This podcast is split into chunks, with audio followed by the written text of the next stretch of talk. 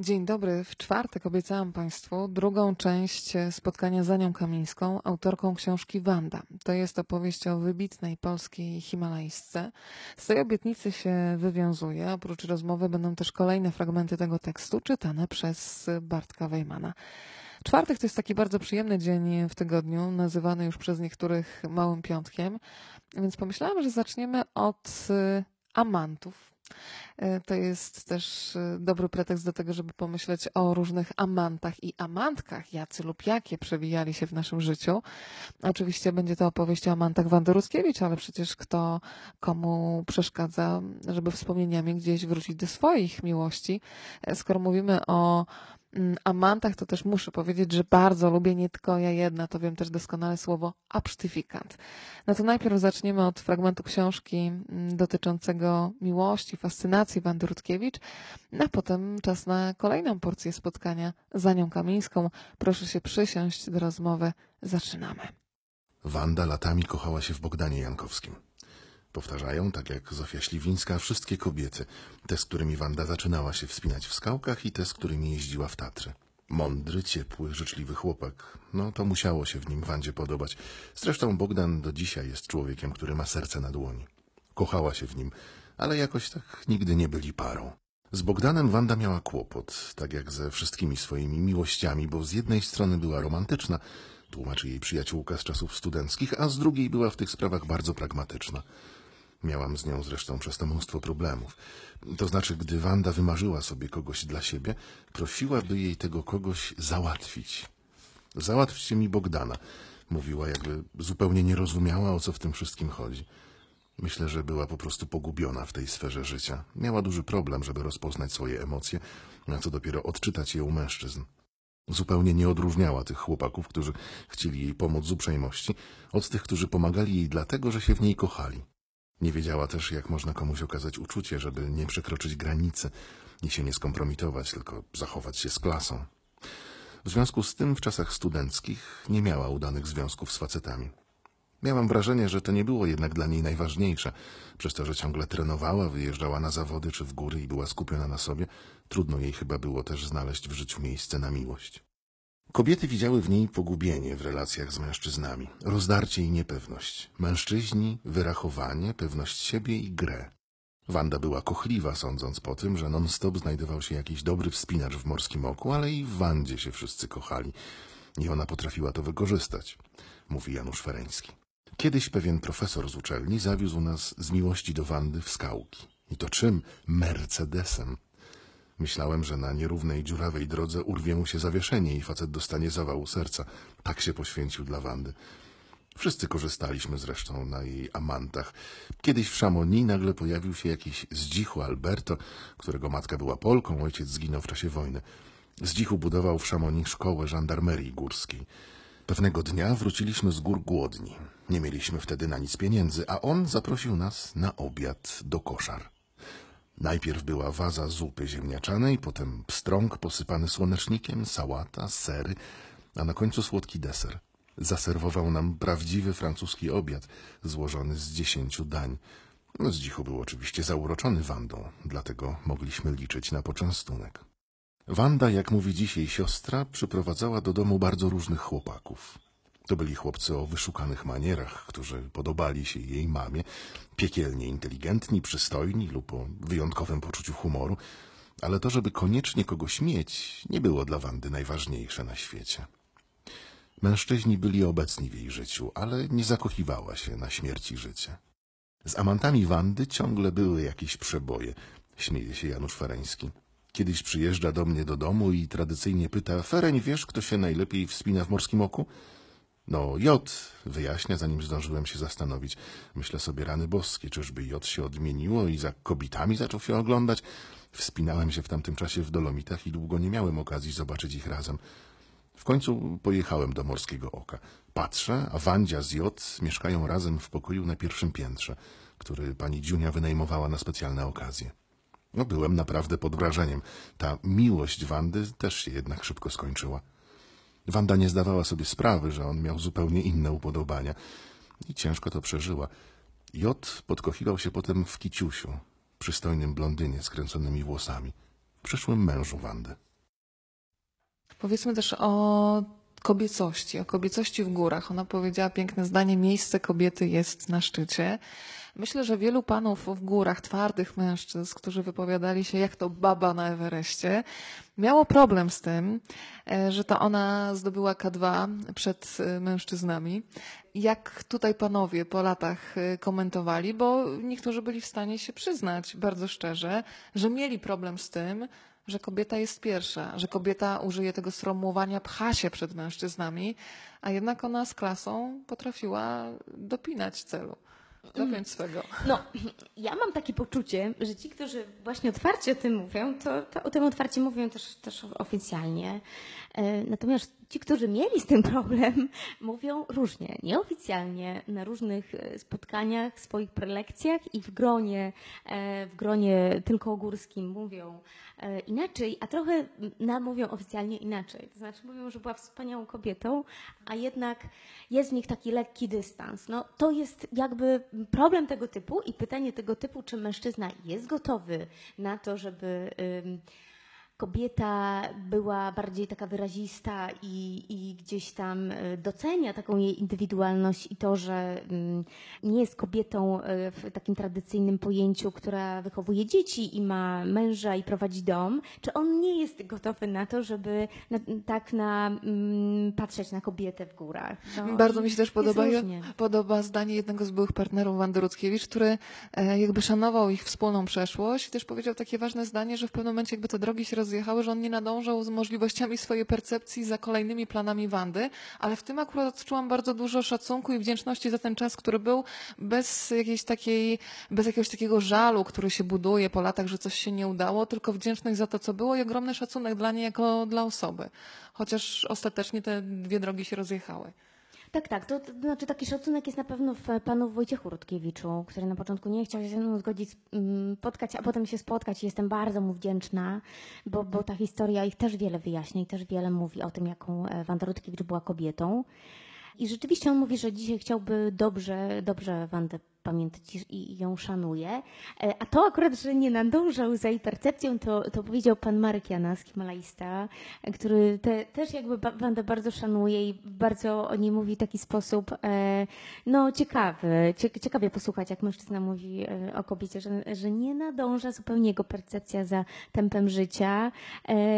Bardzo też w, tak ciepło opowiada o, o Wandzie pan Marek Janas i z taką ogromną sympatią, podziwem e, i tacy mężczyźni też są. Absolutnie trzeba to, trzeba to powiedzieć. To zacznę od tej pierwszej miłości. W zasadzie to było podwójne uderzenie, bo to była miłość do góry i do człowieka. Myślę o panu Bogdanie Jankowskim, e, który zabrał Wandę Rutkiewicz, która była wtedy studentką na drugim roku, na skałki pod Jelenią Górę. E, I podobno Wanda Rutkiewicz powiedziała, pierwszy dzień w skałkach przyniósł mi doznania, które osłabiły wszystkie dotychczasowe fascynacje. I wspomina bardzo dokładnie zapach takiej rozgrzanej w słońcu e, skały. I potem w swojej książce na jednej linie e, z, można było znaleźć taką dedykację dla pana Bogdana. Bogdanie, przez ciebie to wszystko. Więc taki podwójny początek miłości do mężczyzny i do skałek, do gór. Ta druga miłość do skałek i gór okazała się trwalsza. Tak, to w ogóle niesamowite, prawda? Że rodzi się w człowieku jednocześnie. Znamy takie osoby, które zaczynają się fascynować czymś, dlatego że poznały y, wspinacza. Zresztą Mają to. partnera fotografa, potem na przykład same potrafią Tak, robić piękne zdjęcia. zdjęcia, tak. I k- każdy gdzieś po drodze spotyka kogoś, kto nawet jeżeli jest w naszym życiu przez chwilę, to otwiera kompletnie nowe drzwi. To jest fajne. Tak, a w, w ogóle pan Bogdan Jankowski jest niesamowitym człowiekiem i niesamowitym mężczyzną i naprawdę e, jest. Rozumiesz, dlaczego się Wanda zakochała, tak? Tak, ja- ja jak poznałam to oczywiście, że tak, bo, bo to jest taki człowiek, który jest ogromnie cierpliwy, bardzo pomocny, serce na dłoni. Ja tak słyszałam o, o panu Bogdanie Jankowskim tak od innych spinaczy, że to jest serce na dłoni i on we wszystkim pomoże i da zdjęcia i, i naprawdę i jak się z nim rozmawia jest też takim człowiekiem bardzo uważnym i otwartym na drugą osobę. Takim, który, który widzi, że kogoś coś interesuje, to no, prowadziliśmy rozmowę nie tylko o Wandzie Rutkiewicz, ale o Wrocławiu na przykład e, rozmawialiśmy i, i jego też znajomi znajomi jakby mówią, że to jest taki człowiek, który m, jakby jest w stanie zrobić wszystko, tak jak tata Wandy e, wszystko potrafi skonstruować, to tak pan Bogdan Jankowski i świetnie gotuje, potrafi coś ugotować i e, naprawić samochód, naprawić kran i zrobić mnóstwo, mnóstwo innych rzeczy, taki bardzo, e, bardzo jakby no, z życiem też związany, a nie tylko, prawda, chociaż intelektualista, pracujący na uczelni, chodzący w góry, z takim umysłem ścisłym też i znający się na łączności radiowej, to też taki typ przedwojennego e, profesora czy, czy, czy intelektualisty po prostu. Mnie, mnie tacy ludzie szalenie pociągają z, z takim właśnie sznytem przedwojennym. Od dnia spędzonego w skałkach w życiu Wandy w cień zaczyna powoli odchodzić lekkoatletyka. Z czasem także siatkówka, a rozwija się fascynacja wspinaczką oraz Bogdanem Jankowskim. Wanda, tak jak on, zostaje członkiem wrocławskiego koła klubu wysokogórskiego PTTK. W 1962 roku jedzie z Bogdanem i z innymi kolegami z klubu w Tatry. Kończy na hali gąsienicowej szkołę taternictwa i od tej pory jej życie zaczyna toczyć się głównie wokół gór. 17 maja 1987 roku Wanda Rutkiewicz, która wielokrotnie z sentymentem wracała w wywiadach do pierwszego wyjazdu w skałki, pisze Bogdanowi Jankowskiemu w swojej książce na jednej linie dedykację. Bogdanie, przez ciebie to wszystko. Miałem wyrzuty sumienia, że przeze mnie było to wszystko, mówi dzisiaj Bogdan Jankowski. Pocieszam się jednak tym, że Wanda nikogo nie słuchała i tak naprawdę nie miałem wpływu na to, jaki wybrała sposób na życie. Chciała ciągle więcej i więcej, wciąż jej było mało. Była szczęśliwa momentami, gdy coś osiągnęła i starała się kolejnymi szczytami przedłużać to szczęście. Na początku była bardzo dobrze przygotowana sportowo do wspinaczki, ale miała słabszą psychikę, to znaczy miała w sobie wiele niepewności. Wzmacniała się jednak z upływem czasu i przezwyciężała tę niepewność uporem, ambicją i determinacją. To akurat miała we krwi. Kiedy wymyśliła sobie jakiś cel, konsekwentnie go realizowała. Gdy nabrała w górach pewności siebie, chciała jednak dyktować warunki, co w środowisku nie zawsze spotykało się z aprobatą. Mężczyźni z reguły wolą, aby kobiety ich wspinanie podziwiały, a nie rządziły. Łatwiej jest lubić takie kobiety, z którymi można pójść na kompromis. Wanda zaś chciała dominować w zespołach mieszanych albo w zespołach czysto kobiecych, bo z czasem było jej coraz bliższe wspinanie z kobietami. Wanda miała też to, że ciągle obrażała się na kolegów i to najczęściej na mnie. Kiedyś przyjechała na spotkanie koła wysokogórskiego motocyklem i podłożyliśmy jej dla dowcipu pod świecę mokry papierek. Nie mogła przez to ruszyć, aż wreszcie ten papierek ktoś wyjął. Odjechała obrażona, a potem przysłała mi list do akademika, że nie spodziewała się po mnie takich rzeczy, jak ja mogłem na to pozwolić i tak dalej. Gniewała się na mnie nieraz, czy byłem winien, czy nie. Być może uważała, że powinienem być wobec niej troskliwy, opiekuńczy, wspierający, a ja okazywałem się niewdzięcznikiem. Dlaczego okazywałem się niewdzięcznikiem, nie mam pojęcia. Mówi się, że nie zawsze można spełnić czyjeś oczekiwania, a co dopiero odwzajemnić czyjeś uczucia. To jest poza logiczną analizą. Wanda może by umiała wyjaśnić, dlaczego chemia jest czasami tylko z jednej strony, ale nie wyjaśni. Z tego co wiem, łączność z tamtym światem jest niestety mizerna. To jeszcze powiedzmy trochę o tym, o takim momencie w życiu Wandy Rutkiewicz, kiedy Wanda nie chciała Niemca, e, co powtarzali złośliwi albo życzliwi, ale tak z uśmiechem znajomi. Chociaż tak naprawdę Austriaka, Austriaka, nie dokładnie. Mhm. Powiedzmy o tym Austriaku, który on z kolei chyba z, tak z tej opowieści twojej wynika, był bardzo zakochany i był w stanie dla Wandy zrobić wszystko, no a ona na początku trochę nie chciała, potem chciała, potem się wycofała, jak to było. No to była wieloletnia znajomość, e, taka zawarta e, w górach, w jakimś takim pierwszym etapie kariery górskiej, kiedy Wanda e, stawiała swoje pierwsze kroki w Alpach i taki człowiek, który był dla niej bardzo, bardzo jej pomocny, bardzo ważny. Był lekarzem. Był leka- Helmut teraz w chirurgiem. centrum zainteresowania. Tak, chirurgiem, ale który miał też bardzo też taką świetną, świetną mamę, bo pani Elżbieta Piekarczyk opowiadała mi, jak, e, jak właśnie e, mama e, pana Helmuta bardzo im pomagała takim dziewczynom jadącym w, w Alpy, próbującym podbijać tam świat ten górski, alpejski i jak chciała im pieniądze pożyczyć i o nie dbała i w ogóle doceniała to, że kobiety się z Polski, z takiego kraju zamkniętego, biednego się gdzieś tam chcą przebić na zachodzie i, i dokonywać różnych przejść w górach. I sam pan Helmut Helmut bardzo, bardzo ciekawa postać ze względu na te wszystkie ekologiczne zainteresowania i, e, jakby też, e, też em, umiejętności. I Wanda zresztą powtarzała później w różnych wywiadach, że to był człowiek, który y, nauczył ją wielu takich rzeczy, które u, nas były kompletnie nieznane, jeśli chodzi o tam segregację śmieci, takie banalne, ale też takie spojrzenie na przyrodę. I to był taki człowiek, który pokazał jej jakby tą, to, to takie spojrzenie na góry i na, na, i, i na ochronę przyrody w górach. To o nim mówiono, że to jest taka współczesna wersja świętego. Franciszka, tak? Tak, tak, tak, tak, tak, tak. To porozmawiamy jeszcze trochę o środowisku pracy, bo myślę, że Wanda Rutkiewicz miała bardzo takich naprawdę szefów, z którymi się można było dogadać, wyrozumiałych, którzy rozumieli, że Wanda po prostu od czasu do czasu musi ruszyć na wyprawę. To od czasu do czasu było dość częste, bo powiedzmy, że przez długi czas pracowała w Instytucie Automatyki i Systemów Energetycznych. Tak, Czym się JASE. zajmowała? Tak. Jasę. Jasę była inżynierem i, i, zajmowała się pamięcią. E, To mi wiele osób próbowało jakoś wyjaśnić. Generalnie takimi pierwszymi komputerami e, się zajmowała. To znaczy pierwszymi komputerami w, w, w Polsce, już tutaj w Instytucie Maszyn Matematycznych, po, jak się przeprowadziła do, do Warszawy. A Kolejna ta- a rzecz, która mi tam- imponuje, bo ja kompletnie tej materii nie ogarniam. tak, ja, ja, ja też tej materii nie, nie ogarniam. Ona skończyła Wydział Łączności, który potem się zamienił w Wydział Elektroniki. No i tą elektroniką się zajmowała. I tym na początku, co, co jakby było ważne, to takimi maszynami cyfrowymi. Ogromnymi maszynami, które miały regulować i przepływ energii i e, różne takie sprawy i które tak naprawdę to były takimi e, zwiastunami siermiężnymi w, w kraju naszym, w Polsce, które dopiero nas e, prowadziły poprzez te, te badania właśnie e, ludzi w tych instytutach, obu i we Wrocławiu i w Warszawie, do tego, żeby zaprojektować pierwszy komputer. No bardzo ciekawe też i, i takie no niesamowicie skomplikowane, ale w tej pracy sobie świetnie radziła. I tam miała fantastyczne koleżanki, które założyły spółdzielnię twórczyń prymitywnych Zryw.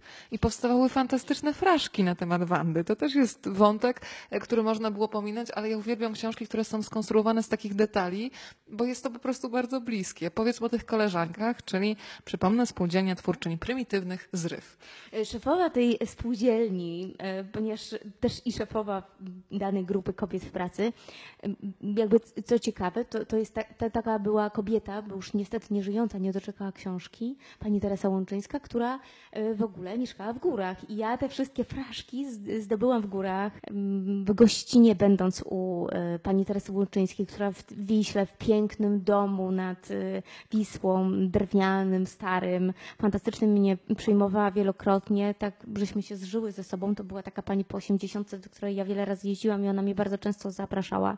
Teraz też mam takie wyrzuty sumienia i taką, tak się źle czuję z tym, że nie znalazłam czasu, żeby w ogóle jeszcze częściej pojeździć do niej, bo to był człowiek niesamowicie dowcipny e, i, i te żarty zresztą widać w tym rozdziale chyba. e, Mam taką nadzieję, e, kiedy ona opowiada o Wandzie i Ale ona wiesz, po to jest prostu... piękne, że Wanda was połączyła. To jest dla mnie niesamowite, co Tak, potrafi zrobić tak, literatura. tak, Ktoś, kto tak, już nie tak. żyje, ale jest tak intensywnie obecny, Tak, że nawet tak. w pewnym sensie za światów łączy was, że ta Tak, pani pojawia się w twoim tak, życiu. Tak, tak, Wanda mnie z wieloma osobami w ogóle połączyła i to właśnie to jest też niesamowite, że ja miałam ciągoty w góry, żeby sobie trochę posiedzieć w Zakopanem i do Zakopanego jeździłam wielokrotnie, ponieważ mieszka tam przyjaciółka Wandy, Ewa Matuszewska, która w ogóle mieszkała w tym Zakopanem tylko i wyłącznie dzięki Wandzie.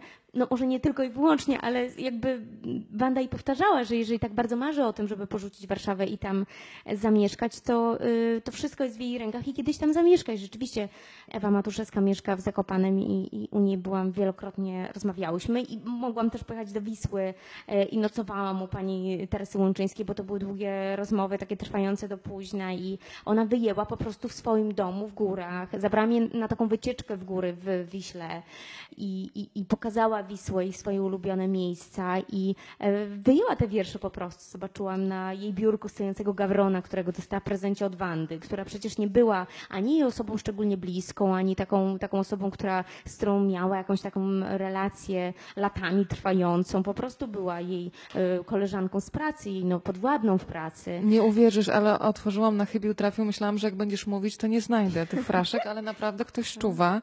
To mogę jedną zacytować? Jasne. Ponieważ życie upływa wciąż, do odnowienia trzeba wyjść za mąż, a skoro mąż nie spada z chmur, trzeba go sobie przytaszczyć z gór. Czyli rozumiem, że to było przed ślubem z panem Wojtkiem, tak? Jest też e, kolejna, chyba jeszcze bardziej rubaszna. E, Wandzie zamęście nie wyszło na zdrowie i ząb ją boli, coś strzyka w głowie, kaszel ją męczy i coś w piersi kłuje. Wanda się leczy, wolności żałuje. Nie, to gdzieś jeszcze była bardziej Dobrze, że rubaszna tych chyba, prawda? pornograficznych nie przytoczyłaś. A, a gdzie one że są, te. słuchaj? Ja bym z przyjemnością przytoczyła, nie prowokuj. Czyli tak naprawdę miałaś okazję zaglądać, nie tylko, nie tylko słyszeć te fraszki, ale zaglądać do starych zeszytów, yy, czyli zapis konkretne, konkretnego momentu i chwili.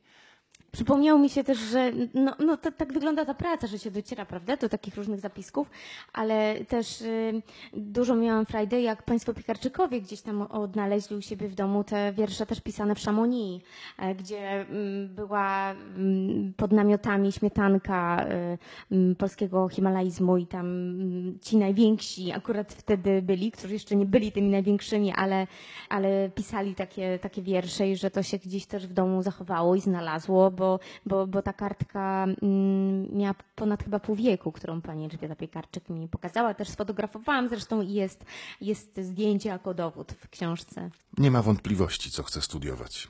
Wybiera łączność, czyli tak zwane maszyny cyfrowe, bo fascynują ją jako roboty, które stają się właśnie dostępne na wyciągnięcie ręki i stanowią pole do inwencji twórczej przy programowaniu. Stają się zwiastunem nowego świata, a nie jak dotąd elementem literatury science fiction. Fascynowało mnie słowo cybernetyka, sprzężenie zwrotne. Czytywałam jakieś mądre książki na ten temat, chodziłam na jakieś prelekcje.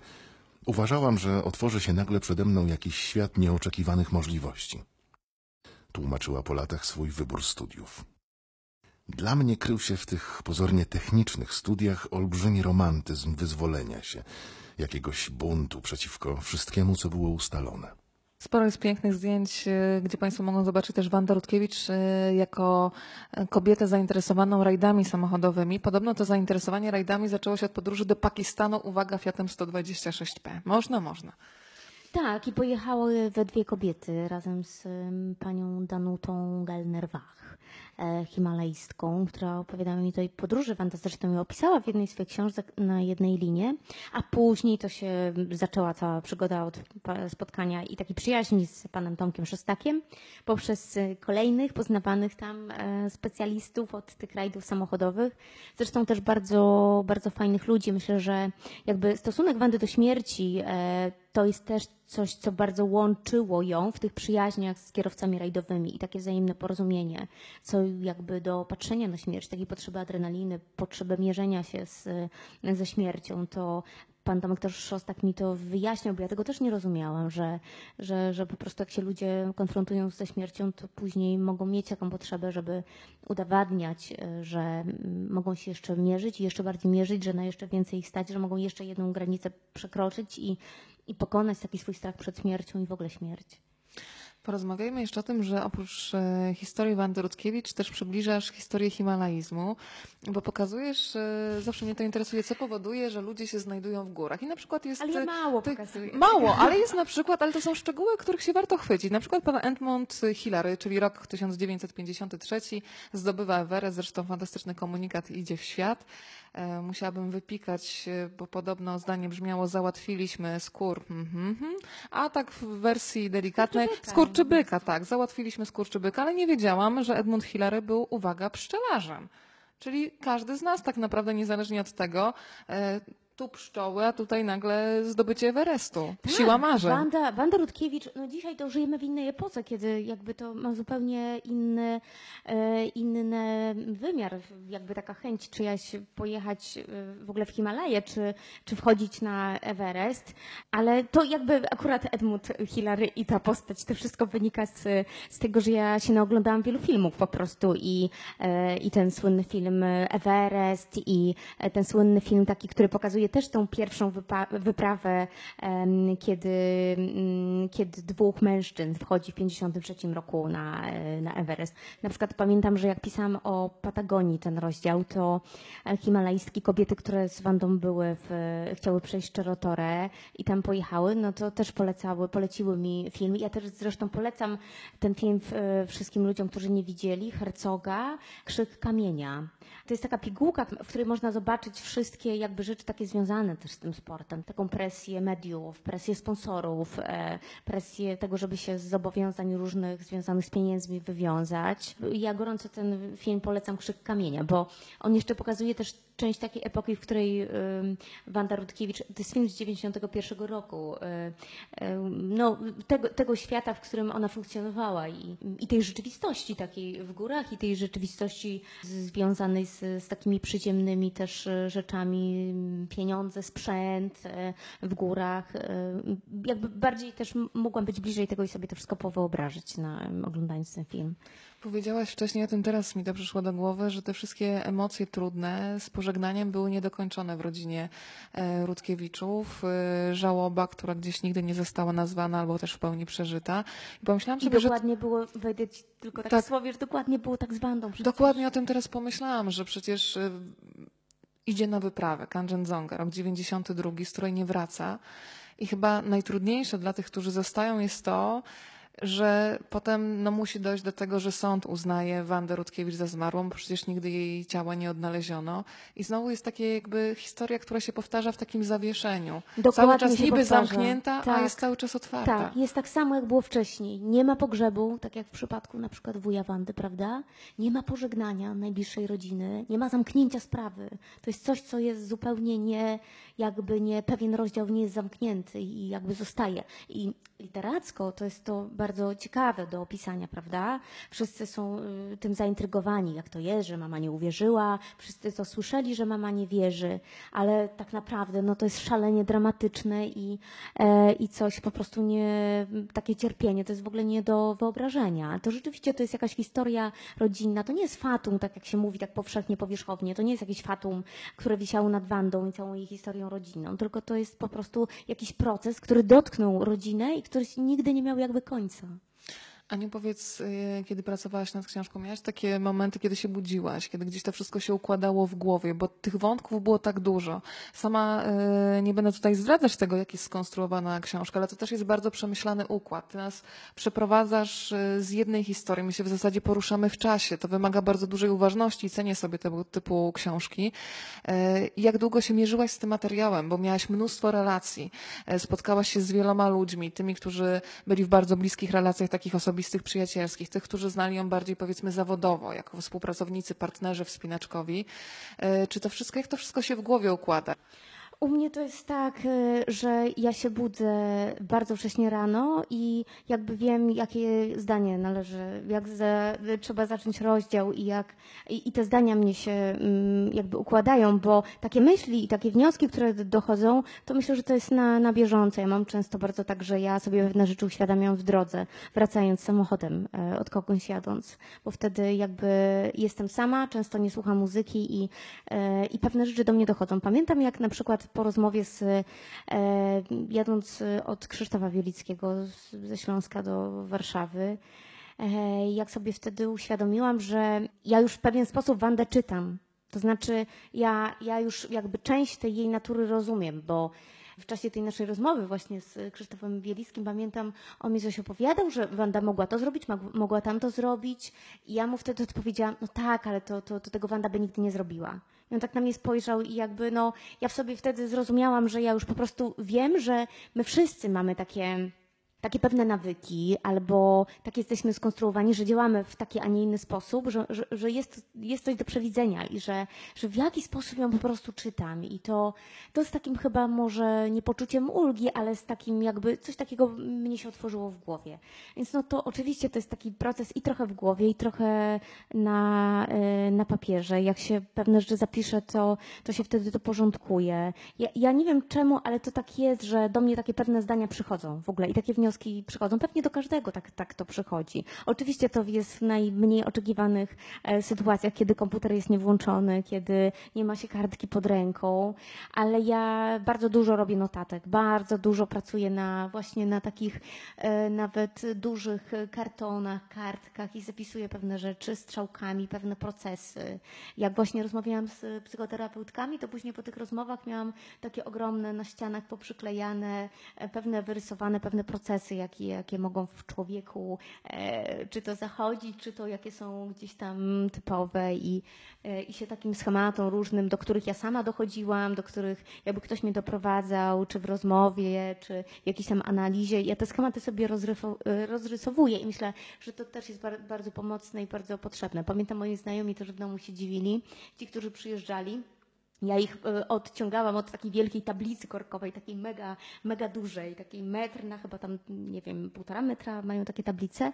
Ja ich odciągałam, żeby oni szczegółów tam nie czytali, w ogóle, żeby nie wiedzieli, bo ja w, w tajemnicy pracowałam nad Wandą i oni tylko tak się patrzyli, że po prostu to, to wyglądało jak, jak e, no, jakoś kosmicznie, że, że ktoś ma tutaj na czerwono, tutaj na zielono i, i to, jest, to jest wtedy taki, widać takiego człowieka na, na, na takiej wielkiej tablicy. Pamiętam, że jeździłam też z takimi ogromnymi kartonami, do, wpadałam do domu do, u Janusza Nyszkiewicza na podłodze, to rozłożyłam taki, taki wielki karton też u Krzysztofa Wielickiego. Pojechałam do, do niego i u niego w, na stole w kuchni rozłożyłam taki, e, ta, wielką rozpiskę przejść Wandy, wszystkie przejścia, jakie ona miała, czy weszła na szczyt, czy nie. I on tak spojrzał się, właśnie Krzysztof Wielicki tak się spojrzał na tą, e, na, na tą Aż na sobie kartkę wzrok to, jest, to są wszystkie dokonania Wandy na tej kartce. Ja mówię, tak, to są wszystkie, wszystkie dokonania. I pamiętam, to też było świetne, bo to było też taki impuls do, do rozmowy o tym, że e, najwięcej e, takich e, takich e, podejmowanych e, właśnie e,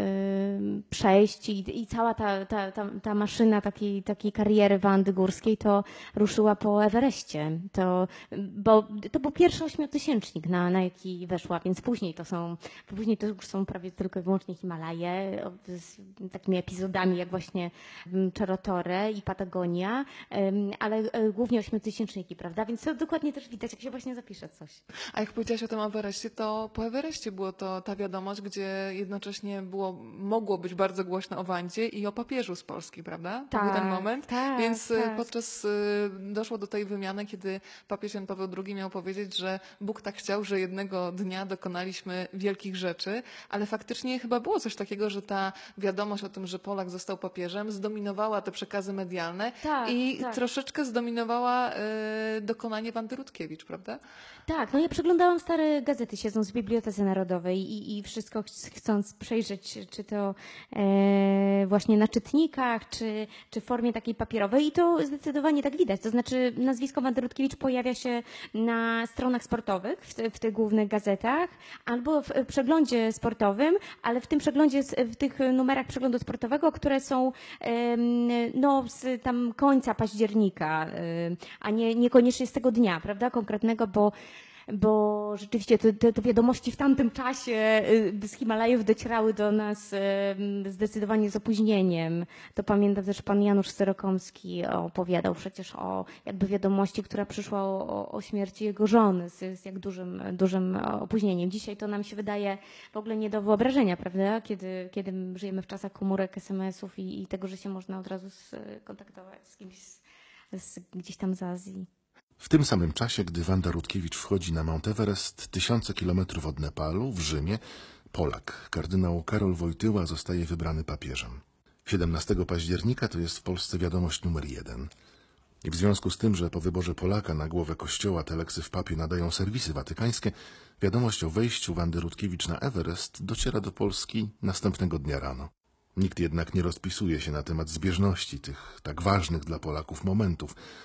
Dopiero kiedy Wanda podczas pielgrzymki Jana Pawła II do Polski w 1979 roku spotka się z papieżem, który powie: Dobry Bóg tak chciał, że tego samego dnia weszliśmy tak wysoko, wszyscy dziennikarze, pisząc teksty o zdobywczyni Everestu, będą podkreślać równoległość tych zdarzeń i powtarzać zdanie papieża jak pacierz.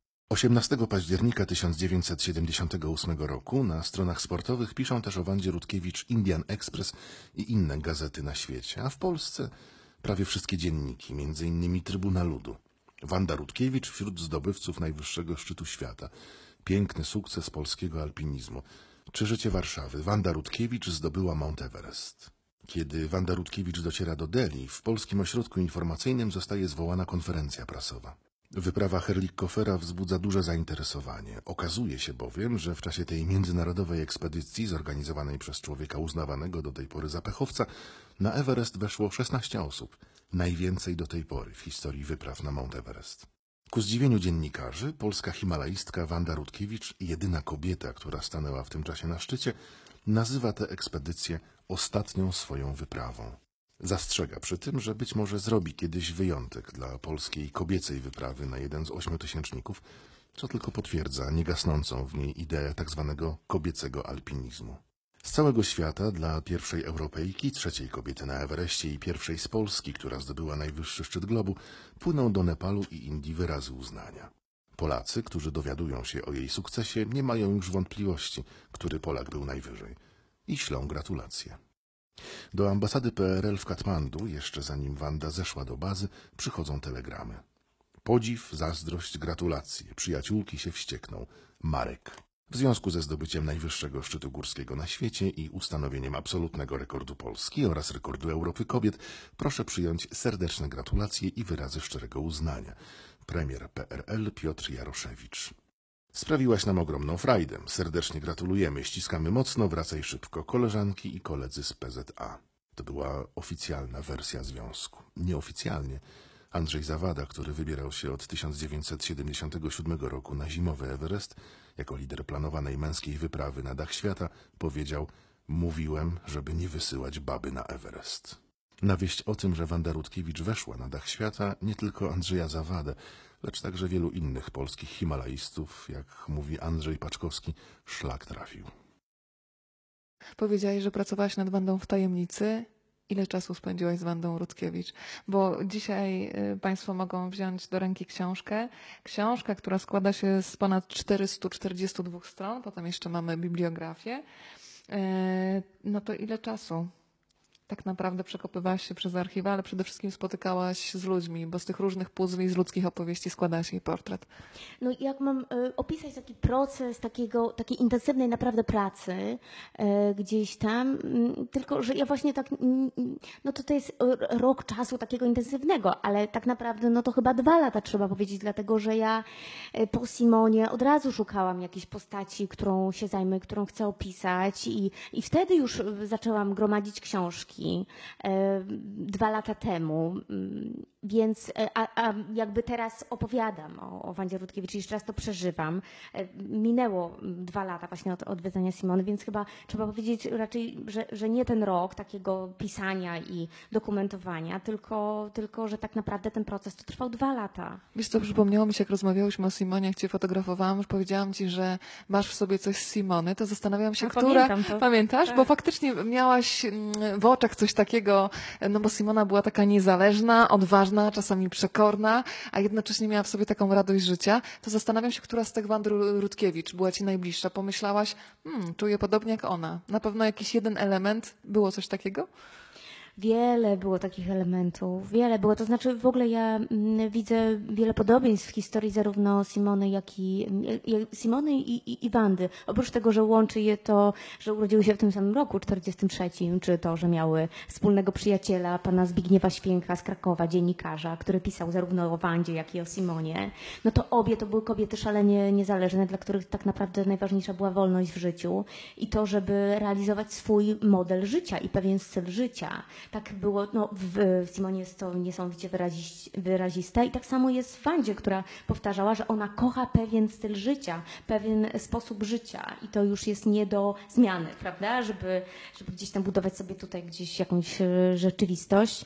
E, i, i, I bardzo dużo myślałam też o Simonie, e, jakby mm, czytając i będąc w takim procesie pracy nad Wandą, o sobie również, bo no bo to zawsze się myśli o sobie. Dokładnie, to bardzo mi się podoba, że piszesz tak książki, że człowiek siłą rzeczy przefiltrowuje przez siebie, myśli bardzo intensywnie o Wandzie Rutkiewicz, ale też myśli o różnych zakrętach w swoim życiu, o tym takim dylemacie, że człowiek bardzo potrzebuje wolności, ale też potrzebuje jakiejś stabilizacji, kotwicy i to wszystko w tej książce jest. Zastanawiam się, która z opinii e, będzie dla ciebie albo już jest najważniejsza, bo powiedziałaś na początku, że no, wchodziłaś w ten świat górskie kolajki i przyznałaś się do tego szczerze. Czy obawiasz się opinii ludzi gór? czyli na przykład tego, co powie pan Krzysztof Wielicki, tego, co powiedzą twoi inni rozmówcy. Masz już jakieś e, pierwsze recenzje, pierwsze informacje zwrotne? Mam informacje, y, jakby nie, nie boję się jakoś bardzo, dlatego że no, autoryzowaliśmy te, te wypowiedzi. E, Tylko, że każdy też dostaje teraz oprócz swojej opowieści, jak już tak. dostaje całą książkę, e, opowieść też mhm. innych. Mhm. Tak, ale ja też jakby wychodzę z takiego założenia, że ja jednak nie pisałam tej książki dla środowiska, po to, żeby I słusznie. być PR-owcem tego środowiska, tylko pisałam tą książkę dla ludzi, dla kobiet, e, ponieważ wydaje mi się, że, że jest to postać szalenie nam współczesnym kobietom 30-letnim bardzo bliska i dylematy, które miała Wanda Rutkiewicz są szalenie bliskie i absolutnie na czasie dzisiaj. Dostaję maile, oczywiście, że dostaję informacje zwrotne. Dzisiaj dostałam telefon bardzo sympatyczny, ale myślę, że, że było dla mnie też fajne to, że jeden z Himalajstów napisał, że dowiedział się z tej książki dużo o Wandzie i dużo o kolegach, bo mnie się wydawało, że ci koledzy to właśnie nic mi nie chcą powiedzieć i, e, i że to jest zamknięty, hermetyczny świat i że będzie mi bardzo trudno coś znaleźć i coś potwierdzić i jakby coś usłyszeć, czy to nowego. Także, ta, także taki głos jest dla mnie mnie z ust Himalajsty jest, jest, bardzo, jest bardzo fajną informacją, taką zwrotną. No, zobaczymy, jak będzie dalej. Ostatni raz Wanda gra w siatkówkę w reprezentacji AZS-u w sierpniu 1965 roku na letniej uniwersjadzie w Budapeszcie. Wcześniej, w marcu, broni pracy magisterskiej Analiza układów hybrydowych na ocenę bardzo dobrą. Po skończeniu studiów i otrzymaniu dyplomu na Politechnice Wrocławskiej nie rezygnuje jednak z gry. Z AZS-u przechodzi prawie od razu do drużyny wrocławskiej gwardii. Wszystkie w drużynie bardzo ją lubiłyśmy. Wspomina dzisiaj Jadwiga Kłopocka, która też grała wówczas w gwardii. Wanda jeździła na mecze, ale z grupowania odpuszczała. Chodziła już w tym czasie po górach. Kiedy wracała ze wspinaczki, przywoziła nam cukierki. Kiedyś jednej koleżance przywiozła nawet z gór baranka, który beczał, bo koleżanka nazywała się Baran. Wanda bardzo dobrze grała w siatkówkę, ale poza boiskiem miała swoje słabsze strony. Była na przykład roztargniona. Tak bujała w obłokach, że raz późną jesienią wyszła na dwór, na ziąb, w tenisówkach, zapominając o ciepłych butach, które zostawiła w szafce. Kiedyś grałyśmy mecze ligowe w Częstochowie i Wanda nie chciała iść z nami na Jasną Górę. Mówiła, a bo ja jestem niechlujny katolik. Była z nami szczera. Nie chciała zaliczyć Jasnej Góry przy okazji i powiedziała, że nie chodzi nawet w niedzielę do kościoła. Namówiłyśmy ją jednak, żeby poszła tam z nami dla towarzystwa. No i w końcu poszła.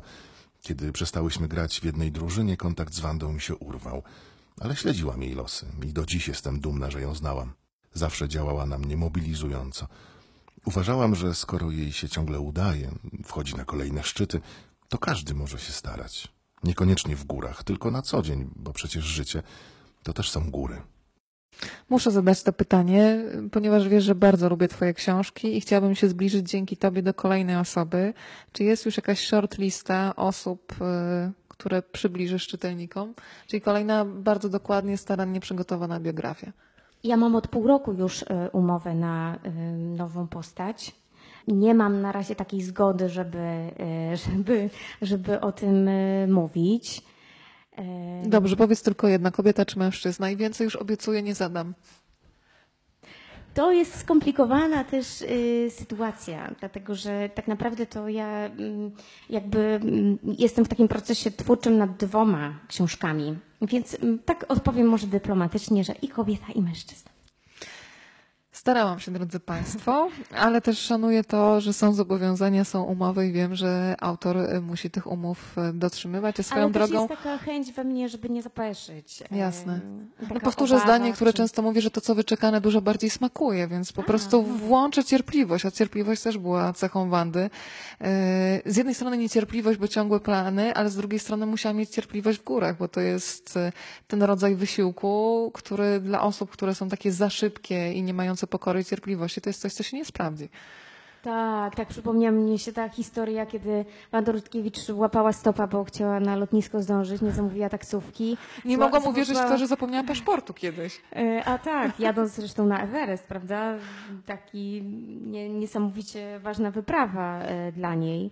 Bo Wtedy weszła na ten Everest, ale zatrzymała właśnie kierowcę, złapała stopa, e, poprosiła, żeby jechał szybko, żeby ją zawiózł na lotnisko, bo się gdzieś spieszyła na jakąś wyprawę. Ten kierowca jechał za wolno według niej, więc wywarła na niego wpływ taki, żeby ten kierowca się przesiadł. No to jest jedna z takich, i on się rzeczywiście podobno przesiadł, więc to to jest taka fajna historia, która pokazuje to tempo życia, niesamowicie szybkie, pokazuje to, że no nie ma rzeczy niemożliwych, można obcemu człowiekowi jakby o coś go poprosić takiego niewyobrażalnego na, na taki pierwszy rzut oka i, i po trzecie też taką jej no, siłę ko- jako kobiety, prawda?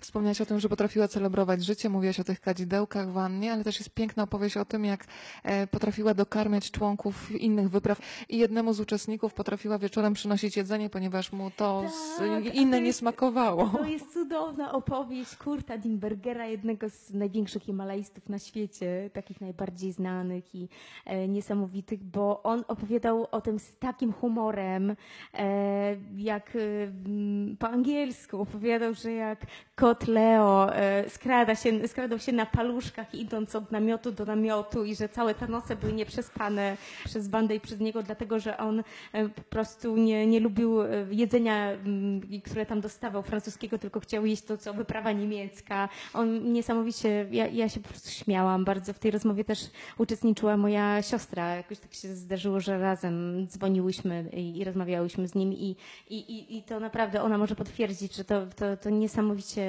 niesamowicie taki komiczny sposób o tym e, opowiadał. Fajnie, że jest jakby też e, taka opowieść, która pokazuje, że można też z humorem, prawda? O tym o, opisywać o tych ekstremalnych sytuacjach gdzieś, e, gdzie czegoś brakuje, człowiek jest głodny, a, a dzisiaj, tak, e, dzisiaj tak lekko i fajnie. Skoro Wanda potrafiła celebrować życie również w tych kwestiach kulinarnych, to zamykamy spotkanie. Teraz Cię zapraszam na ciasteczko z truskawkami e, jako dopełnienie tej rozmowy, bo też Nie wiem, drobnostkami należy się cieszyć. Dziękuję.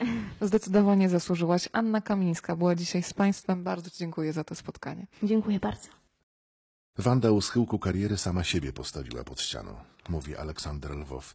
Wymyśliła program, żeby zdobyć w ciągu roku osiem ośmiotysięczników. W jednym roku wejść na pięć było nierealne. Wanda miała wtedy prawie 50 lat. Od początku wiedzieliśmy z kolegami, że to jest niemożliwe do realizacji. Program i pomysł był dobry, ale Wanda chciała go przeprowadzić w zbyt krótkim czasie. Komentuje dzisiaj Krzysztof Wielicki. Rok to przesada. To było do zrobienia, ale w inny sposób, wolniej, z pomocą kolegów, szerpów. A Wanda chciała to osiągnąć bez ich pomocy, w najlepszym stylu. Obserwowałem ją w tamtym czasie i widziałem, że podupada na zdrowiu. W górach była powolna, a tam szybkość jest najważniejsza. Wszyscy w środowisku widzieliśmy, że to się może skończyć źle. Trzymałem za nią kciuki, ale obiektywnie oceniałem, że ten pomysł jest nierealny, mówi Leszek Cichy. Wanda próbowała wchodzić na ośmiotysięczniki w małych zespołach, nie najłatwiejszymi drogami. Do tego wybierała sobie za partnerów ludzi mniej doświadczonych, którzy mieli jej pomóc, ale nie stanowili dla niej konkurencji. No to też nie było trafione. Chciała dokonać wielkich rzeczy w krótkim czasie w małych składach. Messner, który zdobywał koronę, miał rozłożony plan zdobywania ośmiotysięczników w długim czasie. Kukuczka dochodził do ekip, które na niego pracowały. Wanda chciała to zrobić samodzielnie, bez przerw na odpoczynek i wszystko naraz. To nie był pomysł, który miał szansę się powieść. W liście wysłanym sponsorom w 1990 roku Wanda przewidywała, jakie będą reakcje środowiska na jej projekt. Z całą pewnością niektórzy ludzie będą uważali, że szukam niebezpieczeństwa i dreszczyku emocji, uprzedzała, ale to jest błędne. Tylko ja wiem, z jakim to się wiąże ryzykiem. Jeśli nie byłabym przekonana, że mogę to uczynić, nie porywałabym się na to.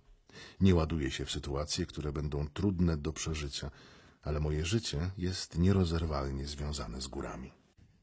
Fragmenty książki Wanda Ani Kamińskiej, czy to dla Państwa Bartek Wejman, za co mu bardzo dziękuję.